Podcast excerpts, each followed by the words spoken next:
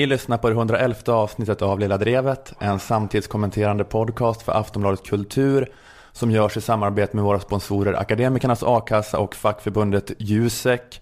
Eh, Jag heter Ola Söderholm, jag sitter här med Simon Svensson och Moa Lundqvist. Ja, just det. Hej, Hej. Chippen kallas jag nu för tiden. Jag vet inte om du har missat det. fränt. Det har inte satt sig ännu. Nej, nej. Det har inte fastnat. Men snart. Jag är ledsen. år, men fortfarande nej. Snart. Det har varit ett presidentval i Österrike som avgjordes igår. Det är tisdag Mm. idag när vi spelar in det här. Mm. Har ni hört talas om det? Ja, att det var väldigt, väldigt jämnt. Ja, det är många utanför Österrike också som har engagerat sig i det och varit nervösa inför det. Ja. Ja, alltså inte vi i Sverige va? Jo, ganska många i Sverige också. Ja, men jag bara såg rubrikerna och så tänkte jag det här har jag inte hört talas om innan. Österrike. Det var en sån underligt Pratar de tyska? Spännande. Ja, det, men det är kanske inte är superdignitet på den här nyheten, men det är större internationell nyhet än ett vanligt eh, presidentval i ett okej. litet random land, Mm. om man säger så. Ehm, för att ehm, det såg ut som att Norbert Hofer kanske skulle vinna. Och han var då kandidaten som representerade Frihetspartiet, vilket är det Sverigevänliga partiet i, i Österrike. Ja, det var gött. Eh, Men det slutade ändå med att den vanliga kulturmarxist, landsförrädarkandidaten Alexander van der Bellen vann. Så att den Sverigevänliga kandidaten Hofer lyckades bara få 49,7 procent av rösterna. Håll käft. Var det så jävla jämnt? Ja. Det jag undrar är ifall det är mycket sådana här sociala medier-pepp nu i Österrike att, att folk så skriver Vi är 50,3 procent. Vi är de 50,3 procent. Hashtag 50,3 procent. Ta ställning för alla människors lika värde. Vi gillar olika. För att vi i Sverige har haft den här långsamt sjunkande tron och peppen. Ni vet det så här först så här, inte i vår riksdag. Sen vi är de 94 procent. Okej, vi är de 87 procent. 78 procent. Vi är väl Niklas Strömstedt och så vidare. Men så men orkar man hålla igång det på 50,3 procent? Just det. Återstår att se. Vi är Österrike. Det är vi som är Österrike. vi ska inte låta, låta en minoritet på 49,7 procent Låt inte de definiera små oss. mörkerkrafterna. Inte de mörka 50% krafterna. Är det också samma så en ståuppare säger så. Vem här inne röstar på det Sverigevänliga partiet? Ingen säger någonting. Men hallå, det är ju 50 procent. Ja. Tyst. Man träffar dem aldrig. aldrig. Väldigt konstigt. Ja, men jag såg faktiskt en sån eh, karta på alltså, hur folk i Österrike hade röstat. Eh, och eh, då var det att det typ var rött för alla som hade röstat på det Sverigevänliga partiet. Och det var hela Österrike. Hela Österrike var rött. Förutom de så här tre största städerna som var gröna då. Att det var sån supertydlig. Eh, den klassiska pol- polariseringen. Ja. Men det är ungefär ja, då är det fler människor i de här små prickarna då. Det är skönt ändå med storstäder. kan sätta landsbygden på plats. Men eh, jag läste på lite grann om det här och, eh, och den här då Sverigevänliga kandidaten i Österrike. Och det speciella med Österrike är att det är högerextremisterna som är landsförrädare. Alltså det anses patriotiskt och nationalistiskt att vara emot nationen Österrike. Oh, ja, Mm, det är ja. komplicerat ja, här. det är eh, snårigt. Ja, för de som har varnat för den här Norbert Hofer, de säger visst, han är så mjuk och fin i sitt sätt. Det är vad folk har sagt om den här Sverigevänliga kandidaten. Han har så vackra ögon. Oj. Men han är en fascist i fårakläder. Det säger då de som varnar. Ja. Och det de då brukar peka på, eh, bland annat för att bevisa det här, det är att han inte svarar tydligt ja när han har fått frågor om huruvida Österrike är en nation. Så här sa han nyligen till Die Presse. För mig är Österrike en nation. Men jag skulle inte fördöma dem som ser det annorlunda. Och Hofer är även hedersmedlem i den högerradikala studentföreningen Marco Germania su Pinkafeld som i sina, som i sina, vad är det här för knasigt hittepåspråk? Som i sina stadgar skriver att de tar avstånd från den historielösa fiktionen att det skulle existera en österrikisk nation. Okej. Det är Eh, en stor fråga i Österrike alltså. Ja, och det här handlar ju då om att högerextremister i Österrike, de älskar ju inte Österrike, de älskar Stortyskland. Just det. De vill tillbaka till det. Så det är antinationalistiskt att vara nationalist i Österrike. För det betyder... Jävla snårigt att hålla koll på. För oss svenskar så är det märkligt. Ja. Ja, det är obegripligt. Ja, är du nationalist? Det betyder att du är för splittringen av de tyska folken.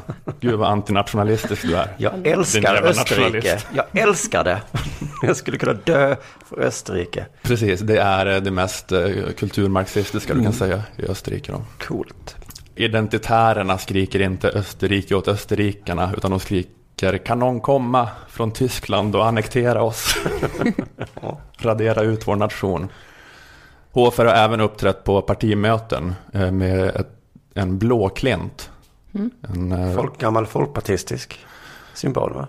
Ja, på sitt kava- kavajslag. Ja, så är det i Sverige kanske, men då att blåklinten är i Österrike, eller den tyskspråkiga världen, så är det en symbol för den stortyska rörelsen. Som populariserades av Georg Ritter von Schönerer. Och han var då en gravt antisemitisk österrikisk politiker. Och han har beskrivits som Adolf Hitlers andlige far. Okej. Men nu hörde ni, nu gick jag i den här fällan med Hitler. Jaha. Man har alltid förlorat en diskussion. Just De det, kommer du kan, dragande inte, med du kan inte dra en sån parallell. Det var en jävla blomma för helvete. Godwins lag. Ni vet, det, är ju det där när man säger, jaha, du tycker man ska vara vegetarian. Vet du vem mer som var vegetarian? Hitler. Ja, Vet du vem mer som gillade hundar? Hitler. Det blir det tramsigt. var exakt det du gjorde. Vet du vem mer som var för ett Stortyskland? Hitler. Åh, jag gick i fällan. Vet du vem mer som var för ett Große Germanisches Reich? Hitler. Men hur kan det vara relevant? Sluta med det där tramset. Um, nej men det blev bara 49,7 procent. Så vi, Men var- kallar de det fortfarande för Stortyskland eller kallar de det för normalt att det är liksom Lilltyskland nu? De kallar det väl bara för att de känner sig eh, amputerade. De känner att något fattas Mm. i liksom organismen som Men- är Ja. folket. Har vi en möjlighet att starta och vilja vara för Storsverige? Det är inte så många som brinner för den va? Ska vi ta, ta tillbaka Polen och, och sånt? Har vi haft Polen? Tyskland har ju då, fan det var. Ryssland fram till Narva. Det vill jag ha tillbaka nu. Ja, det är väl framförallt det är väl Finland som ligger närmast i hands antar jag. Mm, Norge lite grann också. Mm. Man kunnat drömma om. Ja men eh, fornstora Det- dagar. Ja, Men, men- men, men, det men, då är det det ju mera en dröm om att eh, vi ska invadera Vi ska dem. ta mer. Alltså Österrike. Österrike är ju den så här lilla, lilla delen som vill bli, Vill bli tagna. tagna av de stora. Sträcker ut sina händer. Ta oss. Om du vill ha mig. Nu kan du få mig så lätt. Ja, men som sagt, det blev en rungande 50,3 procent seger här. Oh, skönt. Så att det kan man säga att den här, den liberala eliten, de talepunktsläsande, korrupta, skriva på TTIP-avtalet politikerna har för alltid segrat nu tror jag. Ja, I och med den här mäktiga 50,3 procent segern. Nu har ni visat alla Anna Kinberg Batras of the world att, att ni erbjuder ett tillräckligt hoppfullt alternativ för att den här nyfascismen aldrig ska kunna utöva lockelse igen. Mm. Det måste vara spiken i kistan. Den här 0,6 procentenheter det känns så tryggt. segern. Underbar utveckling. Tack för att du inspirerade oss, van der Bellen, eller vad det heter.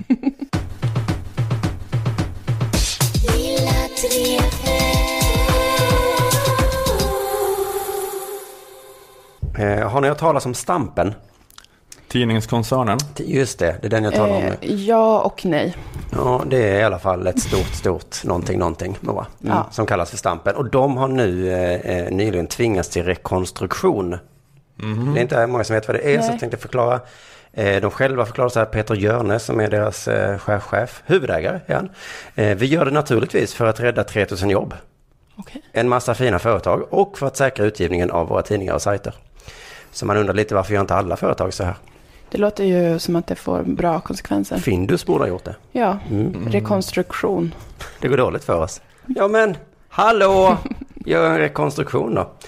Men det gick i alla fall väldigt dåligt för det här stora, stora företaget. Eh, De ville berätta det för allmänheten. Vet ni vad de gjorde då? Nej. De hyrde in sig på Svenska Mässan i Göteborg. Okej. Kanske Göteborgs dyraste lokaler. Och så satte de där och bjöd in alla. Jag tänker mig att de också grät och torkade tårar med 20-lappar. Så här, Förlåt, det går så dåligt. Men det är också så här att vi vill berätta om det här, vi vill nå ut. Hur ska vi göra? Vi är ett av Sveriges största medieföretag. Har vi någon plattform för att berätta om hur det går? kan inte tänka mig att Kan det skulle komma vara på något. någonting. Vi äger ju massa tidningar. Vi får Nej, vi får hyra. Vi är med på bondens Vi mark. får hyra världens största mässhall tror jag. Och så kanske vi kan få in alla journalister som är intresserade. Vi har bokslutet här på papper skrek de. Bokslut, pappret var slut i skrivaren så vi fick skriva ut på hundralappar. Men jag tror ni ska se vad det står ändå. Ta förresten lite snittar, eller snittar, det är såna här räkmackor från Skybarn här uppe. Så, var var vi? Jo, vi har så dåligt med pengar va? Ja. Hur har det då blivit så här nu? Svineri. Svineri antagligen, men en del säger ju bara så ja, ja, ja, ja, ja, det är ju tidningsdöden. Mm. Sluta skjuta upp den här långsamma döden nu. Bara dö någon gång. Sluta rekonstruera hela tiden. Eh, en del skyller på ägarna. Eh, för att det är ju så att de har haft skulder. Alltså skulder så stora som man knappt kan förstå det här liksom. Det liknar inget. För, för rekonstruktion är skeendet innan konkurs. Ja, jag vet faktiskt inte vad det är för jag, det, var, det var någon som, som sa det, men jag vet inte Okej. exakt vad det är man gör. Nej, Men, det låter lite diffust. Okej, man kan antingen göra konkurs då eller så gör man om lite. men först gör man en kon- rekonstruktion, går inte det blir nästa grej konkurs. Aha. Men vi hoppas att det går då. Men de här skulderna är så enorma så att det möjligtvis liknar Jonathan, eh, Jonathan Sundgrens skulder till sin mamma. Möjligtvis. Jag läste i Helsingborgs Dagblad. Det var någon som ville ge sin syn på den här saken. Ja. Ni vet sådär som journalister gör ibland. Som om jag skulle bry mig vad Petter Larsson tycker om det här. Vem är Petter Larsson? Jag vet inte vem Petter Larsson är. Ja, ja, jag kan väl läsa det då. Det står ju i tidningen. Då är det väl intressant antar jag. Petter var inte så glad för att eh, Göteborgs-Posten hotas med nedläggning. För han har växt upp med den tidningen. Och han eh, beskriver den så här då. Den fina gamla tidning som jag är uppväxt med, där jag lärde mig avsky musikrecensenterna, beundra de mest svårbegripliga litteraturkritikerna och garva åt den urtråkiga Kvasthilda. Fast till. Det var två dåliga saker och en bra sak med GP. Ja, man vill inte Han ha Petter som talare på av en förakt. begravning riktigt. Han älskade GP. Och det bästa han kom på att säga var att musikrecensionerna var förskräckliga. Litteraturkritikerna var svårbegripliga. Det finaste han kunde säga. Och seriestripparna pisstrist. Ja, så det här var det positiva med Göteborgs-Posten då. Kanske måste den inte finnas känner man lite då. Eh, sen ska Petter då sätta fingret på vad problemet är med tidningskrisen. Lite är det, säger han, att folk lä- läser gratis. Tar man åt sig. Just det, det gör vi alla tre här. Nej, jag har faktiskt en eh, helgprenumeration. Okej. Ja, men precis. Då behöver inte du känna samma skam som jag. Framförallt menar Petter Larsson, tror jag han heter det här då, att eh, det är ett annat problem här. Eh, problemen är, skriver han, att för många läser gratis på nätet, men framförallt att annonspengarna flyttar till internetföretag som Facebook och Google. Just det. Så f- pengarna går inte längre till våra svenska kapitalistsvin med höga hattar, utan till amerikanska kapitalistsvin med, vad har de? Två bilar? Ja. Monokel, jag vet inte. Det är En möjligt. Upp till två bilar kan de ha. Ja. Ja. En pool har de nog ibland också tror jag. Ja. Men eh, Petter gillar ju GP, men jag gissar nu att han inte gillar deras ägare. Eh, Det kan vara mina fördomar som spelar in här, men jag ska läsa upp nu två meningar och jag tror, hoppas att det är Petters fördomar jag ger utlopp för här. Så här skriver han. Men i fallet Stampen stavas problemet inte bara med annonstapp. Det bär också den förra koncernchefens ansikte, Thomas Brunegård, en gång Burger King-direktör. Okej. Han är ingen sann publicist. Han är en sån En som eh, kränger hamburgare. Man hör nästan sånt filmljud. Åh nej, inte en Burger King-direktör. Man ser framför sig en tjock gubbe liksom med hamburgardressing dreglandes. Nu ska vi ut en tidning. Det här, nu var det mina fördomar som Ja, det var Burger King ett välskött företag, så det går bra för. Usch, inte ska han in i stampen väl? Hoppas jag inte. För Brunegård bestämde sig, han kom in där för ett tag sedan och så bestämde han sig för att Stampen skulle bli en bjässe. Du och jag känner inte riktigt till Stampen Moa, pratade vi om innan. Eh, Men han, och det ville han ändra på. Han ville att det skulle bli lika stort som Bonnier och, och Schibsted. Och då lånade de en massa pengar som de köpte saker för. Alltså tryckpressar och skit. Åh, som någon jävla eh, Lyxfällan-tatuerad kille med sockerberoende betedde han sig. Alltså, Vi ska ha grejer. Vi lånar pengar. Men det låter ju lite, eh, alltså just att satsa mera då på papperstidningsproduktion. Mm. Att, Att det var dumt. att det var dumt, jag vet inte. Nej. Man kanske hade kunnat hört någonting, att någon säger något om digital utveckling. att det är framtiden. eh, är på din sida här. Han säger så här, det är svårt fall, svårartat fall av hybris. Man växte och man växte och man sprack. Och det är ju lätt, eh, Ola, att komma så här i efterhand med facit i hand och säga så. Ja, jo, fast jag känner att det var en ganska lätt trendspaning, den här digitala utvecklingen. Internet finns. Att det blir mindre och mindre papper och mer och mera Ja. internet. Så här i efterhand så är det lätt. Det var, lätt, det var också lätt i förhand för alla nästan. Thomas Brunegård som ville bli ett nytt Schibsted. Det går bra för dem tänkte han. Men man hör ju liksom inte Spotify beskrivas på det sättet. Jag såg, eh, jag tror det var igår en artikel om dem och då var rubriken så här. Spotify har ökat omsättningen med 18 miljarder. Hurra tänker man. Ja, vad härligt. En liten bisats längst ner stod det. Eh, förresten, de går back med 1,6 miljarder om året. Så man skulle kunna kalla det också svårartat fall av hybris. Eh, Men istället, men det var väl ingen hamburgerdirektör som driver det. Det är väl därför som de får kallas för startup istället. Vårt häftigaste startup, det tycker jag att Stampen också borde vara. Ett, ett startup som gick snett bara. Är Spotify ett startup fortfarande? Ja, precis. Om, man, om du googlar startup så kommer Spotify. För vi har inte haft så många efter dem. Vad är Så man får vara det tills det var kommer någon Spotify och Soundcloud och sen så finns det massa som är så små så de finns inte liksom. Men jag tror att startup betyder typ att man... Eh, ett nytt företag? Nej, jag har ingen aning vad det betyder. Då. Alltså poängen är att ingen vet vad det betyder. Nej, okej. Men det är ett fint ord för en politiker att säga. Mm. Och det bästa exemplet då är Spotify. Men, men, men Petter beskriver i alla fall ägarna att de har tagit ut massa bonusar och löner och utdelningar. Och alla de här tre orden betyder pengar. Pengar ja. Just ja, det, ja, de har ja. tagit ut pengar. De har länsat bolaget på pengar enligt Petter. Men eh, ärligt talat, vad kan man förvänta sig av en Burger King-direktör? Eller som Petter skriver, vill man döda en anrik tidning ska man anställa en hamburgerdirektör. Alltså han spottar verkligen på eh, alla som jobbar med hamburgare. Men jag kommer ihåg att det var så när jag gick på journalisthögskolan att det pratades om att det var så viktigt att publicister drev de här företagen. Mhm. För, att, eh, för att det är inte så lönsamt med journalistik, typ tror jag. Så att det måste vara någon som är beredd att göra det lite halvt som public service nästan. Men när det är sådana som bara kommer, är företagare på andra håll och kommer in och liksom ska bara tjäna pengar och driver som vilket företag som helst så då kommer man på att det är inte lönsamt att att massa i Saremba ska göra ett grävande reportage i ett halvår om, om eh, tillståndet i svensk sjukvård. Okej, jag trodde här att han menar att hamburgare var något negativt, men han menar med att det inte är en publicist. Det är det som är hans poäng kanske. Kanske. Så man, om, man, om jag skulle träffa honom och ska säga jag var, jag var på McDonalds och han bara "Pff, McDonalds. Då skulle han mena inte att det är ett dåligt jobb utan att du är inte publicist direkt va. Eh, I alla fall Stampens ägare har varit pissdåliga. Det tror jag vi alla kan vara överens om. Det är nog mer eller mindre fakta. De har tagit ut massa pengar och nu så säger de hoppsan, vi har inga pengar. Nej men ta inte ut massa bonusar då om ni inte har pengar, dumma idioter. Och med tanke på det så tycker jag att det var perfekt att annonspengarna går till Facebook och Google istället. För deras ägare är inte så dumma så de investerar massa miljoner i någon papperstidning. De, precis som du säger Ola, de har kommit på att det finns internet. Och Ja. inte då att de har investerat pengar i en tidning vars främsta fördel är att de har en pisstråkig serie i slutet. Som man kan älska för den är så dålig. Kvasthilda, du finns inte mer. Du får alltid död på grund av Burger King-direktören. Ja, ja det är... ehm, man- det är sånt där, eh, man får inte skämta om det här egentligen. Det är ett hot mot demokratin. Det är inget man skojar om. Ja, just det. Det är det viktigaste att komma ihåg. Det var läskigt ändå att Stampen är liksom något som ska rädda vår demokrati. Jag får inte det förtroendet riktigt. Det Nej. här eh, företagsnamnet, men eh, jag är så ytlig. Så att Ja. det låter som ett eh, husdjur som du har haft.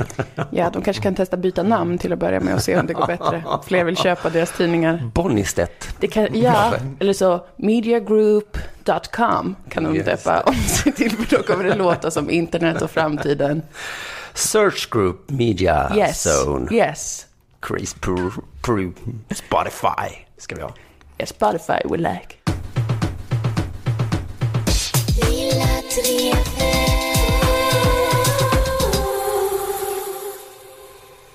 Hörrni, Ja, hörrni ungdomar.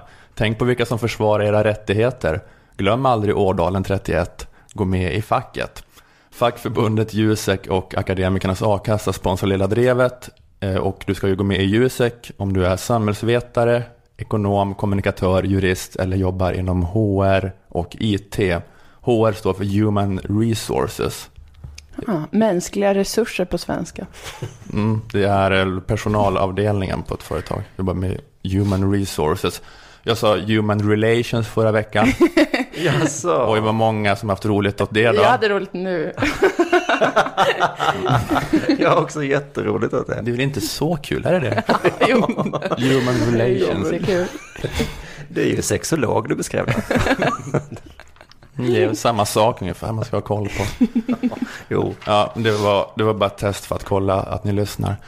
Eh, först och främst så ska du gå med i a-kassan. Akademikernas är för alla er som har eller är på väg att ta 180 poäng eller 120 poäng om du pluggar under det gamla systemet. Eh, att vara med i Akademikernas kostar bara 100 kronor. Ungefär vad en Aftonbladet och en dubbeljapp kostar. Det är 100 kronor i månaden dock. Och då får du en inkomstförsäkring som ger dig upp till 20 000 kronor när du är mellan jobb. hur många Aftonbladet och pizzor är det? Ja, gud ja. Det, du kan stapla Aftonbladet och pizzor på rad så räcker det hela vägen till, till månen. Gör det. Eh, läs mer på aia.se eh, om hur du gör för att gå med. Eh, och det viktigaste är inte att du är med i Akademikernas utan att du är med i en a-kassa. Gå in på väljaakassa.se för att ta reda på vilken a-kassa som passar dig. Eh, och medlemskapet i Akademikernas bör som sagt kombineras med ett medlemskap i facket. Eh, framförallt på grund av den kraftigt förbättrade inkomstförsäkringen. A-kassan ger då ersättningen på 80% av lönen upp till 25 000. Eh, men många i ljusekbranscher tjänar betydligt mer än så och de har ju då inrättat sina liv därefter. Så därför kan det bli en hård smäll om man inte också har försäkringen man får via Jusek-medlemskap.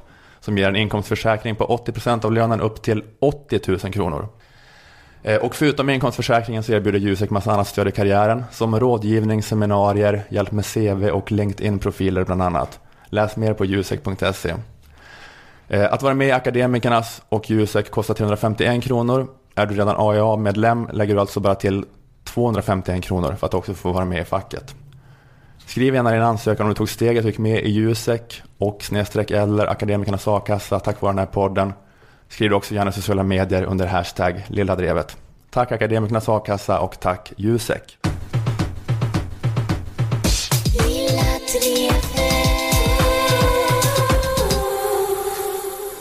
Snart är den svenska sommaren här. Ja. Och hur märker man det? Förutom på att alla människor mellan 21 och 55 skyller sina depressioner och sin bronkit på pollenallergi. Svaret är, man märker det på att det larmas om en kommande kris inom förlossningsvården. Eller hur? Då nalkas sommaren i Sverige. Det är liksom vartenda år. Det är sill, man ska köpa sill och det. Jag vet inte hur man firar sommar, men det är det här med sill och att det regnar på midsommar. Och, och så sen larmrapporterna. Men det är skönt ändå att de skyller eh, depressionerna på pollenallergi. Ja, visst. Det är mycket lättare att hantera än att de ska komma så här, åh, jag är deprimerad. De Då är det så här, jag är väl pollenallergisk idag. Ja, Och den senaste månaden jag pollenallergisk sedan december förra året faktiskt. Och eh, så kan det vara. Skönt att du bara lägger din pollenallergi på mig. Bara det. Orkar inte att skulle på vara deprimerad. Orkar inte bära din ångest. Pollen känns logiskt på något sätt, att man mår dåligt. Det där är nog bara lite pollen hör du. Jag tycker det är ett fint system vi har nu på våren. Det känns tryggt. Man kan inte ge tipset bara ta en promenad, utan det är mer Nej, ligg hemma. Fortsätt ligga hemma. dra täcke över huvudet då, så kanske det blir bättre. nej, nej, prata inte med mig. Prata inte med mig om dina problem. Det är, det är bara pollen. Ligg ligg hemma nu. Ligg hemma i någon månad så. Så det är bra sen. Orkar inte. Pollenallergin och larmrapporter. Visst, det kommer kanske tusen larmrapporter varje vår om att alla kvinnor som varit dumma nog att bli på smällen antagligen kommer behöva föda sitt barn i en skåpbil på E4. Så kommer det se ut i sommar igen, skriver tidningarna. Nu blir det det. Är det för att alla har semester? Det är precis, det är, så, det är logiskt egentligen. Alla har ju semester, vad fan trodde ni? Så det är väl lika bra att föda ut den nu då.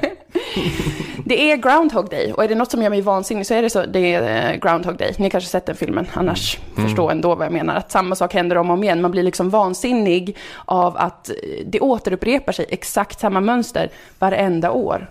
Och det här året när jag återigen läste de här larmrapporterna om att det är svårt att rekrytera personal, barnmorskorna är oroliga, kvinnor kommer behöva föda på ställen som är långt från där de bor och så vidare. Då kände jag att nu har jag fått nog. Nu har jag vänligt, vänligen fått nog. Så du sökte jobb som barnmorska? Nej, Det Simon. be- behövs sommarjobbande barnmorskor alltså. Det kan man inte ta. Alla högsta- 15-åringar Ja. som annars plockar jordgubbar kunna förlösa en kvinna. Ja men för att jag höll på och hade sådana jobb, kommer jag ihåg. Det var bara så här låtsasarbeten. Barnmorska. Nej, precis. Men jag, det var typ så att vi fick alltså, kommunala sommarjobb. Och det var att man röjde sly. Man fick en slysax och så klippte man av småbjörkar. Eller så Det bara är inte samma sak som att förlösa ett barn, så skottade vi bark en gång, kommer jag ihåg. Men det är lika viktigt va? Då satt en stor, stor hög med bark på ett ställe så fick vi skotta ner en skottkärra och eh, eh, gå iväg och sprida ut det i skogen på något ställe. För att det var någon slags eh, hinderbana som skulle vara bark i botten. Men jag kommer ihåg att vi jobbade med det i två veckor. Sen så kom det en traktor och gjorde det arbetet vi hade gjort på två veckor på då en halvtimme. Alltså det blev så tydligt Mm. att det här var bara ett påhittat jobb.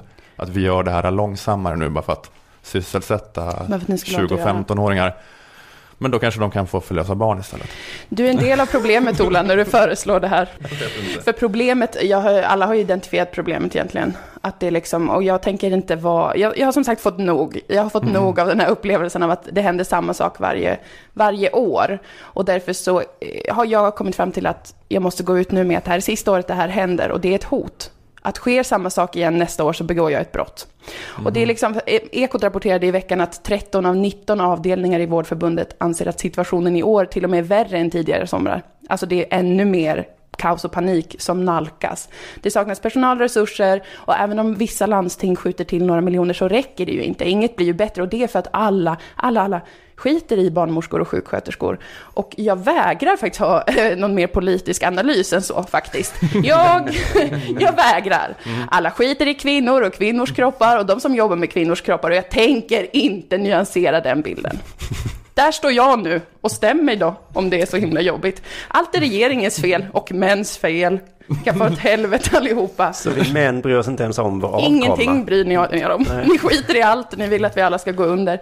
Helvetets eldar ska, ska sluka er. Regeringens förslag som sagt på, som lösning på problemet, vad kan det vara då? Jo, det är väl att kvinnor ska lära sig av bältdjuret som kan skjuta upp sin förlossning. Vi tycker det verkar vara den rimligaste lösningen, säger Gabriel Wikström och det tycker jag är ignorant och jag blir förbannad. Och regeringen, som dessutom kallar sig för Sveriges första feministiska regering, har gjort dick shit. Och de ska också vara en grön regering. Hur kommer det sig då att de inte gör något åt det här? För att kvinnor som åker runt mellan olika sjukhus innan de ska föda står för 39 procent av koldioxidutsläppen i Sverige. Vad i helvete säger jag? De, de klimatkompenserar ifall de inte föder barnet. Om barnet dör. Så Ja, ni det måste kvinnor stämma. står för alltså så mycket... Shit, det visste jag inte med. Det är, det är en siffra som många inte har varit i kontakt med innan. De blir chockade. Det kvinnor med kvinnor som sitter i som en är- taxi och skriker i värksmärtor. Smärtor. De står för liksom, ja det kan till och med vara 50 procent av koldioxidutsläppen. Vem vet? Det finns liksom ingen ursäkt för att inte göra någonting åt det här från vår regering. Det finns inga dimensioner i det här jag inte har förstått. Allt jag vet är att ingen barnmorska ska behöva vara stressad eller tjäna för lite pengar. Och allt jag vet är att ingen gravid kvinna ska behöva gå runt och tänka, var ska jag föda? Får jag plats någonstans? Behöver jag föda i en övergiven tågvagn på en åker? Kommer en överarbetad eh, barnmorska få en panikångestattack i min pelvis så jag spricker upp till nackkotan? Aldrig mer, inte en sommar till, vill jag att det här ska vara stämningen i vårt land. Det är allt jag behöver veta, att det är nog nu. Och det jag kräver är också ganska enkelt. Och det, jag vänder mig direkt till regeringen när jag säger det här, för jag vet alltid att ni lyssnar på Lilla Drevet. det vet vi alla. Plocka fram, låt säga 10 miljarder kronor. Jag vet faktiskt inte hur mycket pengar. För du sa innan att de hade redan kastat miljoner och det räckte inte. Vissa landsting skjuter till någon 10 Hey, I'm Ryan Reynolds. Recently, I asked Mint Mobile's legal team if big wireless companies are allowed to raise prices due to inflation. They said yes. And then when I asked if raising prices technically violates those onerous two year contracts, they said, What the f are you talking about, you insane Hollywood ass?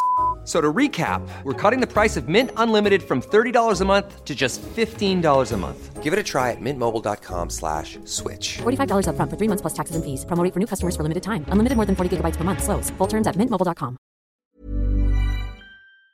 miljoner här där, men det räcker ju inte. 10 miljarder euro, eller dollar skulle jag säga, är väl en bra startsiffra. Jag är inte ekonom. De här Stampens ägarnas eh, bonusar.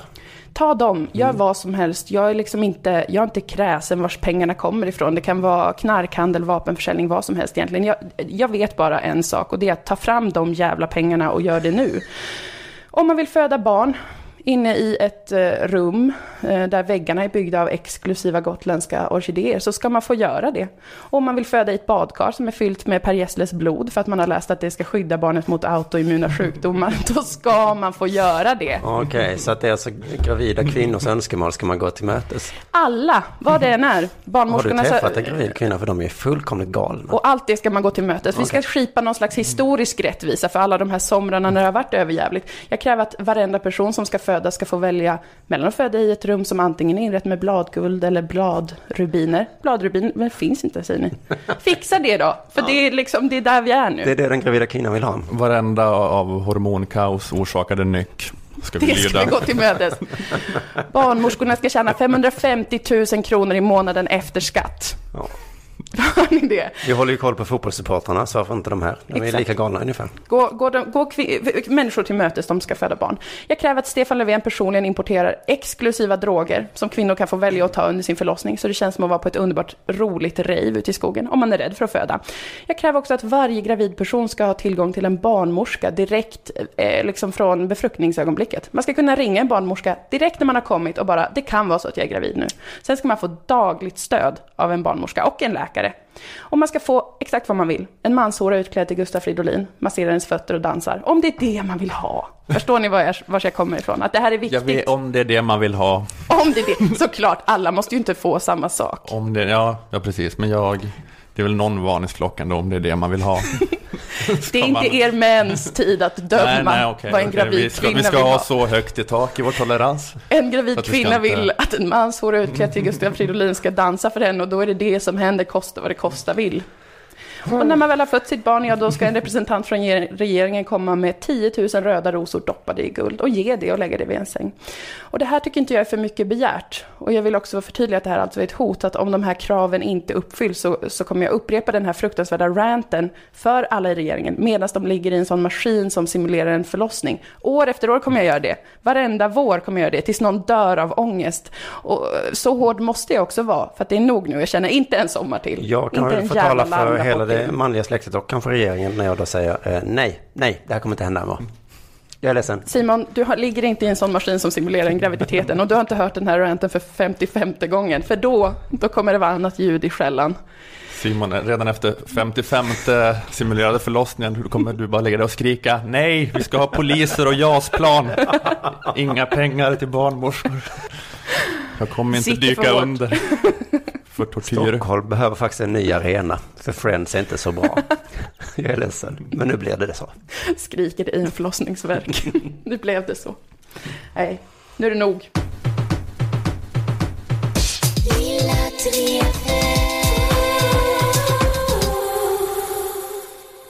Det har rapporterats på senaste om att svenska samhället tappat kontrollen över olika utanskap, utanförskapsområden. Har ni sett det? Stenkastning har jag sett saker om. Ja, det är väl det jag också har sett. Staten Sverige har inte våldsmonopol längre, utan olika Oops. typer av gäng har tagit över den verksamheten. Det, men det, var, det var reportage och debatt om det i Agenda. Eh, såg ni det? Nej. Inrikesminister Anders Ygeman och Centerpartiets ledare Annie Lööf eh, debatterade problemet. Och det, och Om debatt, det är bra eller dåligt. Ja, jag, jag, jag har inte klippt ut något nu, men debatten var ungefär så här. äh, Vi måste ha fler poliser. Nej, vi måste ha fler poliser.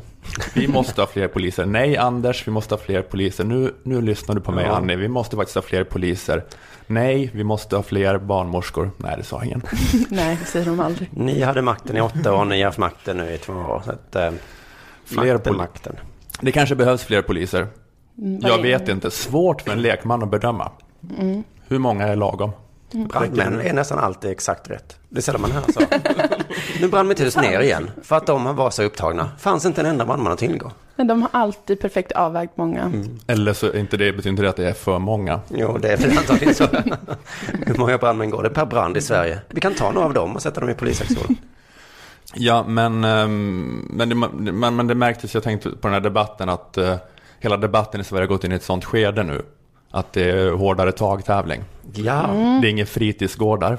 Vi måste, vi Mm. Nej, måste, jag tänkte fråga det om det var någon som hade föreslagit det hittills, men det, då är det inte så längre. Nej, Att det är nu, ett förslag. nu, vill, vi- nu vill vi svenska folket bara att Anders Ygeman ska komma in med sin batong och Ja, ta oss ordentligt. ja visst. Om ni förstår vad jag menar. Jag förstår inte vad jag menar heller. Men eh, ni fattar ungefär. ja men hårdare Ja. tag, inte när jag var ung så var hårdare tag en sån eh, eh, röd lampa. Om någon sa det ordet, då visste man att den jäveln var dum i huvudet och, och den ska man tycka. Men nu är, säger alla det. Ja, det, det har kommit en sån trend. Skitsamma, jag ska faktiskt inte prata om vad man ska göra åt de svenska utanförskapsområdena. Jag jag tänkte prata om en debatt som uppstått i Norge som en följd av rapporteringen från svenska förorter. För det var så att eh, norska public service tv-bolaget NRK gjorde ett reportage från Husby i Stockholm. De försökte intervjua nationalekonomen Tino Sanandaji. Santajaji. Men vad fan, har inte de egna eh, områden att undersöka? Norrmännen? Egna drabantbyar. Ja, kallar det. Måste de komma till oss och säga så titta. Jag tror, att, jag tror att det är för att det norska ordet, norska ordet för förort är så fint, drabantby. Så det, det kanske blir en så här positiv stämning då där, det är inget problem. Vackra miljöer och bara mys. Drabanterna, det är väl så här kungens stiliga livgarde. Det är en by där de bor, spatserar omkring. Så himla trevligt. Hiphoparna är alla som Petter där. De har det så bra. Det går bra nu. Ja, det gör det. Jag bor i en drabantby för guds skull. Jag tackar jag? En drabantby. Jo, men det var att de försökte eh, intervjua den här nationalekonomen då eh, på ett café i Husby. Så blev de bortjagade av ett gäng med aggressiva män. Och vänsterpartisten Ali Esbati, eh, som också bott i Norge massa år och varit aktiv i den debatten, i den norska debatten, skrev på sin Facebook, han skrev på sin Facebook-sida att NRKs reportage från svenska förorter var missvisande och rasistiskt. På något vis skrev han det. Jag vet inte exakt eh, hur, för inlägget verkar inte vara kvar. Okej. Jag kunde inte läsa det, länken funkar inte. Så jag har bara fått det så här refererat, att han sa något sånt. Ja, jag har också fått det refererat till mig på det sättet. Men då tolkar det lite som att han var en eh, fritidsgårdsmänniska. Esbati, ja han är ju vänster och så. så Ja, då är han väl en fritidsgårdsmänniska då. ja, men jag har inte läst Esbatis inlägg, jag har heller inte sett NRK-reportaget. Snyggt. Men det är inte så viktigt för det jag tänkte prata om. För det, det jag tänkte på är att eh, eh, det som hände var att som ett svar på Ali Esbatis Facebook-inlägg så ritade den, den norske satirtecknaren Thomas Knarvik en bild där han avbildade Ali Esbati som en apa. Nej, nej, nej, nej, nej. Satirtecknare alltså. Can't Norge, live with them, alltså. can't live without them. Jag kan visa er en bild på den här. Har ni sett den? Men, va- Nej. nej, det var bara en apa, rätt och slätt. Det är alltså en- text där också. Han hänger i ett rep här. Vad fan är det här för en bild? Apenes konge. Ni är rasister, ni, ni, ni är rasister. Jag ser inte det roliga, men det, det ska man inte bedöma kanske. Ja, det står, Nej, man ska aldrig humorn. det, ja, men det står apenes, apenes konge står det överst och så är det en bild på Ali Esbati eh, som apa som hänger i en lian. Visar upp en så här färgglad eh, aprumpa. Och ap Esbati säger så här, ni är rasister, ni är rasister. Det är nog någon melodi här va? Ni är rasister, ni, ni, ni är rasister, ni är rasister allihopa. Kanske att en norrman känner igen vilken melodi det är. Och det som hände då var att det som hände var att någon anmälde den här bilden och jag tror den togs bort från Facebook. Sen kanske den kom tillbaka eftersom att jag kunde hitta den uppenbarligen. Eh, Men eh, det här utlöste en, en debatt i Norge. Eh, Och den debatten är så otroligt fascinerande. För jag fattar om debatten är på den här ni vet, yttrandefrihetsnivån, som debatten är kring Dan Park. Att ena sidan tycker att han ska få hålla på. Att det är fel att lagen eh, om hets mot folkgrupp finns. Alltså den åsikten kan man ju ha. Men det är ju inte som att eh, de som är emot lagen om hets mot folkgrupp därmed brukar anse att allt Dan Park har gjort är orasistiskt. Förstår ni?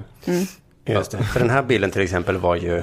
Den var väl rasistisk? Eller visst var den det? Jag kan inte säga något annat syfte med den, att den var bara sa att Ali var en apa. Men att vissa kan tycka det, att det är, fel att lagstifta bort rasistiska bilder och yttringar. Men i, och, och, och en sån debatt kan man ju ha, att, eh, inte fan vet jag, den kanske ska få ligga på hans Facebook-sida då, ifall, ifall det är det man vill diskutera. Men i Norge är debatten om den här bilden så här, är den rasistisk? Går det på något sätt i vår kulturella kontext att tolka den som rasistisk? Finns det någon tradition av att avhumanisera icke-vita genom att avbilda dem som djur, i synnerhet apor? Finns det kanske en sån tradition som exakt alla som ser den här bilden associerar till direkt? Eller finns det inte en sån tradition? Men tänk om det inte finns det i Norge liksom. För i så fall är det ju jag som är rasisten nu. Att jag säger så här, alla invandrare är apor för att jag ser den bilden. Ja, vi, får, vi får ha det förbehållet att det är så extremt stor kulturell skillnad mellan Sverige och Norge. Så att vi alltså, kanske inte alls kan... parallella universum. Ja, den här satirtidningen tittar på mig och bara, är du helt sjuk i huvudet? Vad händer i ditt huvud Simon? Och jag bara, förlåt men jag trodde att det var du som menade att han... Nej, absolut.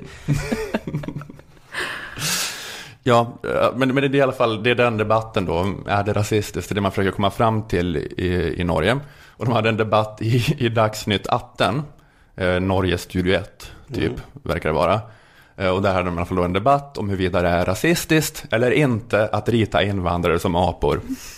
Eh, tre vita män var inbjudna. Eh, en då som tyckte att det var problematiskt. Två som tyckte att det är bara galna extremist-vänstersvenskar som tycker det är rasistiskt när man tecknar invandrare som apor. Men hade de något argument för varför det inte var det? Alltså vad... Ja, jag, jag har klippt ut lite här. Eh, Den ena utav dem som inte tyckte eh, att det var rasistiskt var, var tecknaren av bilden. Den andra var eh, debattören George Gooding.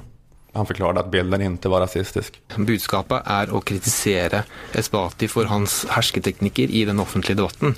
Og det jeg har tatt tak i i dag, er å plukke fra hverandre alle de feilaktige argumentene som har blitt brukt eh, for å hevde at denne her tegningen må entydig forstås som et rasistisk budskap. Og det, det, det stemmer jo ikke, det sier jo tegneren selv. Översätt. Ja, man sa att det här var inte rasism eh, för att eh, tecknarna själv sagt att det inte var budskapet. Han ville visa på härskarteknikerna hos Ali Esbati. Att Ali Esbati har en härskarteknik som är då, alltså det var ju det som var den där texten där under då. Att säga att någon är rasist, Ja. att det är härskartekniken. brunbejsa folk som de säger i Norge hela tiden. Ja, men Så Jag gissar att det betyder brunsmeta. det kan jag verkligen köpa. eh, Texten under bilden. inte vara rasistisk. Ja, det, det, det, det, hade varit, det hade varit möjligt att göra en sån bild och bara en bild där du ritar av Esbati. Ja, Han och kanske sitter i det. någon slags, på en hög häst kanske han sitter. Ja, eller någonting. i någon tron Ja. eller någonting och pekar och säger ni rasister. Mm. Och Men det är det- tips till den här Det ger mig tecknaren. tips till den här tecknaren, det tycker jag Ta är... för mycket ansvar direkt. Han låda satir. Ring mig om du vill ha tips någon gång. Men På teckna en härskarteknik. Det är inte så här. nu spånar vi. Så får de fritt. Ehm, Går det att göra på något annat sätt? Jag, jag vet inte vad som skulle kunna vara värre än en apa. Kanske liksom en... Nej, jag kan inte komma på något. Men är det också att han brukar uppleva att apor utövar härskartekniker? Ja. Är det något sånt att han har varit med om det själv? Att en, att en apa är så var patronizing mot honom? Och därför, det skulle i så fall vara en förklaring. Att han så, varje gång man är på zoo så Ja. kan man se hur en apa är så. Man försöker ge, ge apan en banan och den bara, men Använder härskartekniker. lägg av. Men jag tror att det har varit något sånt konstigt argument också, så här apans roll inom fabeltradition som en som, Mm. alltså det, det som man såklart associerar till först. Kungen över alla här. Just det, det är det. Eh, Men, det, men att han sa det här att det var inte, att det var inte ett rasistiskt syfte och tecknarna, tecknarna sagt att han inte är rasist. Hans syfte var inte rasistiskt. Och det, då blir ju den förståelsen av rasism. Just. Svarar du nej på frågan, är du rasist? Då kan du omöjligen göra dig skyldig till något rasistiskt. Nu har vi ju hört han säga klart och tydligt att han är snäll. Han säger det själv, så vad diskuterar vi här? Men med den här definitionen då att det krävs erkännandet, jag är rasist och, det, och jag sa och gjorde det där med rasistiskt uppsåt, då existerar ju nästan ingen rasism. Då finns Nej. ingen rasism förutom hos de där äh, sekterna som Tess Asplund ståkar. De som hon reser land och rike runt för att protestera mot. Det är bara Nordiska motståndsrörelsen. Mm. Då Ja. kan du säga, vi är rasister. Ett annat bevis för att teckningen inte är rasistisk, det är då att Ali Esbati inte är afrikan. Det er mange som har trukket fram denne konteksten og historien, at hvis man kaller, altså det å tegne noen som aper eh, bærer noe mer enn bare det å tegne noen som aper, og da sier du at det er forskjell fordi for eksempel da Esbati her ikke er afrikaner. Ja, programledaren säger att kritiker har lyft fram då den här kulturella kontexten och rasistiska traditionen med sådana här avbildningar.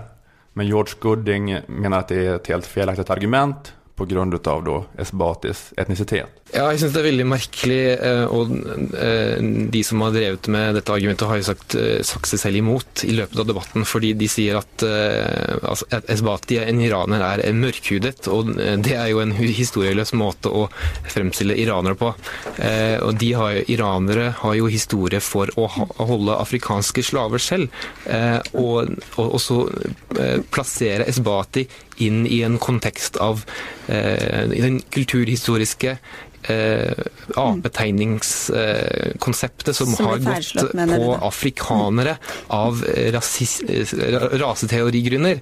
Å plassere han inn i den konteksten blir veldig, veldig merkelig. Ja, det var lite långt klipp.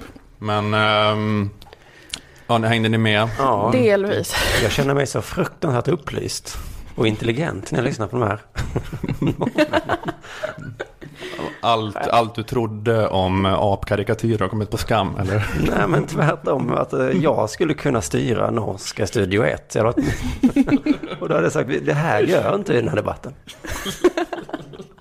Vi ska diskutera Slussen nu. Ja. Men det är lustigt, för att här erkänner han ju ändå då att det är rasistiskt att avbilda någon som en apa, Men bara då. bara om den är afrikan. Men han erkänner ju då ändå på något vis att den här reflextolkningen alla gör, att det är rasistiskt. Den är ändå ganska förståelig, men reflexen blir fel i det här fallet. För det förstår man om man läser på om persisk historia. Lite grann. Så precis. Esset i rockar. Vi som det kan lite om, om den historien. För perserna har själva hållit svarta afrikaner som slavar. Eh, å andra sidan, vet ni vilka som också hållit svarta afrikaner som slavar? normen va? Andra svarta afrikaner. Svarta personer i Afrika har hållit andra svarta afrikaner som slavar. Så då borde man ju kunna rita en svart afrikan som apa också. Om man bara förklarar att man gör det i den kontexten. Ja, nej, det här är inte en apa som är en slav och dum vilde, utan det är en apa som en dum makthavare. Den som förslavar andra. jag förstår att det kan tolkas rasistiskt. Om man trodde jag menar den sortens afrikan. Men jag menar ju den andra sortens afrikan. Jävla PK-idioter, ni är helt galna. Men jag har faktiskt varit inne på det här själv då. eh, Men jag pratade med Jonathan Unge om detta. att- Och vi kom fram till att det är samma man står med liksom en svastika vid en synagoga idag. Exakt, det är exakt som det där, nej jag, det här är inte ett hakkors, det är en indisk solsymbol. En jävla idiot. Tror du att jag är nazist? Nej men herregud. Men det är, det är så man ska vara i Norge för att få med den offentliga debatten.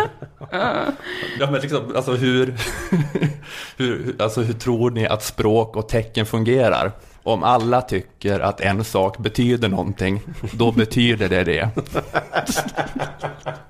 det är, vi, kan ha, vi kan ha en mer nyanserad diskussion om slaveriets historia, men du kommunicerar med mig här och nu. Och då är det de här tecknen. Det, och det är också att det är, det är också bullshit att eh, det humaniserande avbildning av icke-vita bara inskränkt sig till svarta afrikaner. Att det, fin- det finns en lång tradition av det när det gäller olika typer av asiater också, som väl iranierna kan räknas till. Att det har gällt alla möjliga icke-vita. Och också om man inte har märkt att människor av muslimsk börd från Mellanöstern har en så att säga icke-vit status i vårt samhälle. Att de är rasifierade, eller vad, vad man använder för ord. Jag menar, det är så grav kulturell analfabetism. Villa 3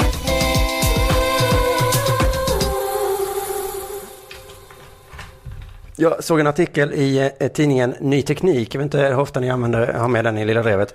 Eh, får ni någon politisk vibb av Ny Teknik? Svar nej. Jag får en så här vibb utav eh, teknikoptimism som jag är misstänksam mot. Ja, att ja, folk ja. tror att det ska lösa klimatfrågan. Jag tror ju att det bara ska gå med nedskalning och att alla ska börja odla rovor. Okej, det så, så som du har dem 1200-talet. lite som politisk fiende. Jag har en ganska neutral bild, lite som du Moa, att ja, ja, det är väl någon som bara beskriver att en dator finns. Ja. Kanske. Jag såg i artikeln så här, rubriken då, elbilar i Europa, dåliga för miljön. Men då är de ju på min sida. Ja. Får du börja prenumerera på den. för jag hade fördomar om ny teknik. Så är det, du skulle rita av Ny Teknik som en apa som bara... Men det här är ju, känner jag, fan också, för jag är ju eh, motståndare mot Ola. Jag är en sån som tror att eh, tekniken kommer lösa allt. Men eh, det är ju fan alltså, men de skriver ganska logiskt så här att elen till elbilen kommer ju någonstans ifrån. Och elen i Europa tas då fram på ett dåligt sätt. Det står att det finns tre sorters bilar, bränslecellsbilar, batteribilar och bensinbilar. Och då står det så här, den svenska energimixen gör bränslecellen till en vinnare. Men smutsig Europa-el gör den till ett miljömässigt sämre alternativ än batteribilar, som i sin tur är sämre än bensinbilar. Bäst för miljön, bensin. Okej. För, för- för att elen i Europa är så smutsig att det är kolkraftsel? Eller? Ja, precis. Eh, det görs på massa olika dåliga sätt då. Sverige har tillräckligt mycket vind och skit för att det ska bli bra, men resten av Europa är så himla dåliga. Men jag känner att det här är så jävla, jävla typiskt och alla jag har sagt det här till, jag har läst artikeln, berättat det för lite vänner och alla har reagerat exakt likadant. De har gjort så här, nej, nej, nej, nej, nej, nej, nej, nej, nej, nej, nej, nej, nej, det kan inte stämma, jag vill inte tro på det, det är väl något jävla bensinbolag som har köpt någon forskare någonstans. Eh, och för man, man vill ju inte tro att det, här, att det kan stämma. I botten på den artikeln på Ny Teknik så är det också en länk där det står läsarna, re, läsarnas reaktioner. Jag bara klick. Och eh, där har de nog gjort en egen artikel där de har läst kommentarerna på, på den första artikeln och gjort en ny artikel. Oj.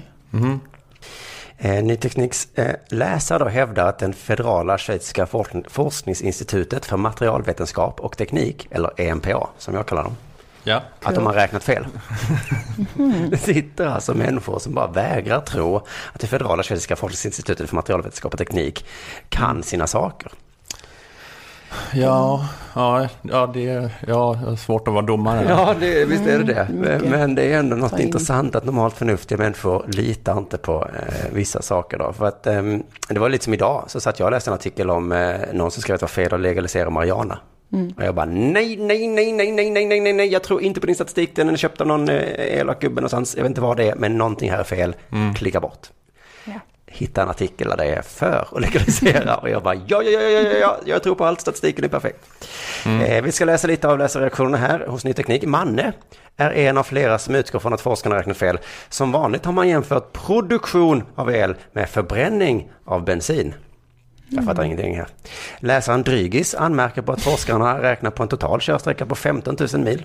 Elbilens klimatpåverkan per mil kan minska drastiskt under bilens livslängd. Att de ska köra längre. Ja, tycker de då att man ska räkna på. Eller är det det? En Pelle svarar 15 000 mil är väl en bra siffra Okej. på elbilsbatterier. Man slängs fram och tillbaka. Ja, det gör man. Ska jag läsa lite lite till för jag tycker Ja, det är ja, ja. Det är roligt, det är härligt med en artikel som eh, skrivits av läsarkommentarer, liksom i egna tidningen. Bengt Johansson, kolon. En modern bensinbil har mindre utsläpp än bakgrundsnivån i en storstad och fungerar som luftrenare. Oj, Försök det med en elbil, säger Bengt. våga inte, Bengt. Alltså en bensinbil rensar luften. Här var ny information. Det här blir för mycket för Jan Ingesson, Jeppen och signaturen Bengt. Alltså tre personer som invänder. Tror du verkligen på det där? Tänk en gång till. Bengt Johansson påpekar då att han är professor i förbränningsmotorer sedan 15 år och har tänkt en hel del på Oh, detta. burn. Och jag, precis som Lola, jag vet fan inte, men jag var lite- bara så irriterad att det alltid är så här. Jag var vegetarian innan för att rädda vårt klimat. Jag tog det jobbet, nästan ingen annan hakade på. Då var jag vegetarian skitlänge sen. Läste en massa artiklar om hur dåligt det är med sojaprodukter för att då måste man paja eh, regnskogen och så vidare. Korn var det också något dåligt med. Jaha, jaha, jaha, vad ska jag göra då? Under flyktingkrisen, folk började hjälpa till, lämna barnvagnar och vinterjackor och någon bara nej, nej, nej, det där är det sämsta vi kan göra för, för, för flyktingar. Vi ska hjälpa dem på plats. Och hon bara, va? och de som fick barnvagnar, de bara så nej men sluta, vi, ska, vi vet inte vad vi ska göra med barnvagnar. Så, så, så, det bästa ni kan göra nu är bara sitt hemma nu. När man kampar och, och man fryser, då ska man inte ta på sig kläder. Det är det sämsta man kan göra. Man ska ta av sig kläderna och lägga sig i, i eh, sovsäcken.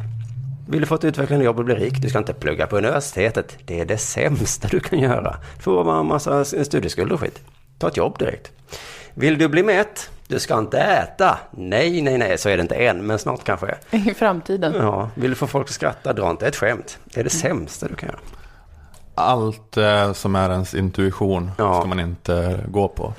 Utan, Nej, och i många fall så är det väl lite, inte så skitsamma så, men om jag skulle, nu har inte jag köpt en elbil, men tänk om jag hade gjort det för skitmycket pengar och bara känt så här, "Åh, det här sved, men det gör jag för klimatet. Och sen så kommer jag med Bengt och säger, nej men, signaturen OC lugnar mig lite. Men bara lite ändå. För han skrev så här, eller hon då. Eh, förhållandet ändras helt om samhället går över till el och sol, vind och vatten. Då blir bränslecellsbilen miljövänligast. Ja. Så om verkligheten byts ut mot en helt annan verklighet, som absolut inte stämmer överens med så som den är nu, då är elbilar miljövänliga. Huh. Det var ändå skönt att Plåster veta. på såren alla att, de är, att, de är, att de är bara allt är som det inte är just nu. Då kan Då är ni fortfarande bäst. om, om det i alla fall inte är som det är nu då, då skulle den vara himla miljövänlig. Och då tror jag också man skulle ta på sig massa kläder i sovsäcken. Om verkligheten såg ut på ett helt annat sätt då, än vad den gör. Det är motsatt. Ja, ja men jag, jag tror att ni bara ska börja kö, köpa en bondgård bara. Odla. Det är det sämsta. Det kommer visa sig att det är det värsta för miljön. Det är alla som odlar eget och ekologiskt. Jo men på riktigt har jag sett något sånt i Timbro eh, med arrangemang som var så. Alla lokalodlade grejer. Det är det sämsta man kan göra för miljön. Ja, Det verkar konstigt ändå. det, det känns Ja, men ju... jag, jag minns inte riktigt argumentet men det var något i med har du stort liksom så kan du skal bla bla bla. Det blir sämre påverkan för miljön då. Och sen så skickar du en stor båt med massa morötter på. Istället för att du ska ha många små bilar med morötter som ska åka in till stan. Ja, just det. Ja, ja, eh. ja, kanske, ja, just det. Ifall man transporterar det från... eh, Men, men, men det, det måste ju ändå vara bättre att odla själv och äta det man Ja. odlar själv. Men Men om du köper det från en lokalodlare där så kan det miljöpåverkan kanske, ja, hävdar de. Det var i alla fall samma jävla attityd där. Det du tror är bäst är det sämsta. så, så, så här, lokalt, eh, lyckligt, fint lammkött från Österlen är mycket sämre än någon så fruktansvärt liksom, antibiotikadopad gris från Australien. Det är det bästa du kan göra för miljön. Den lyckligaste grisen också. De fick lite antibiotika i sig.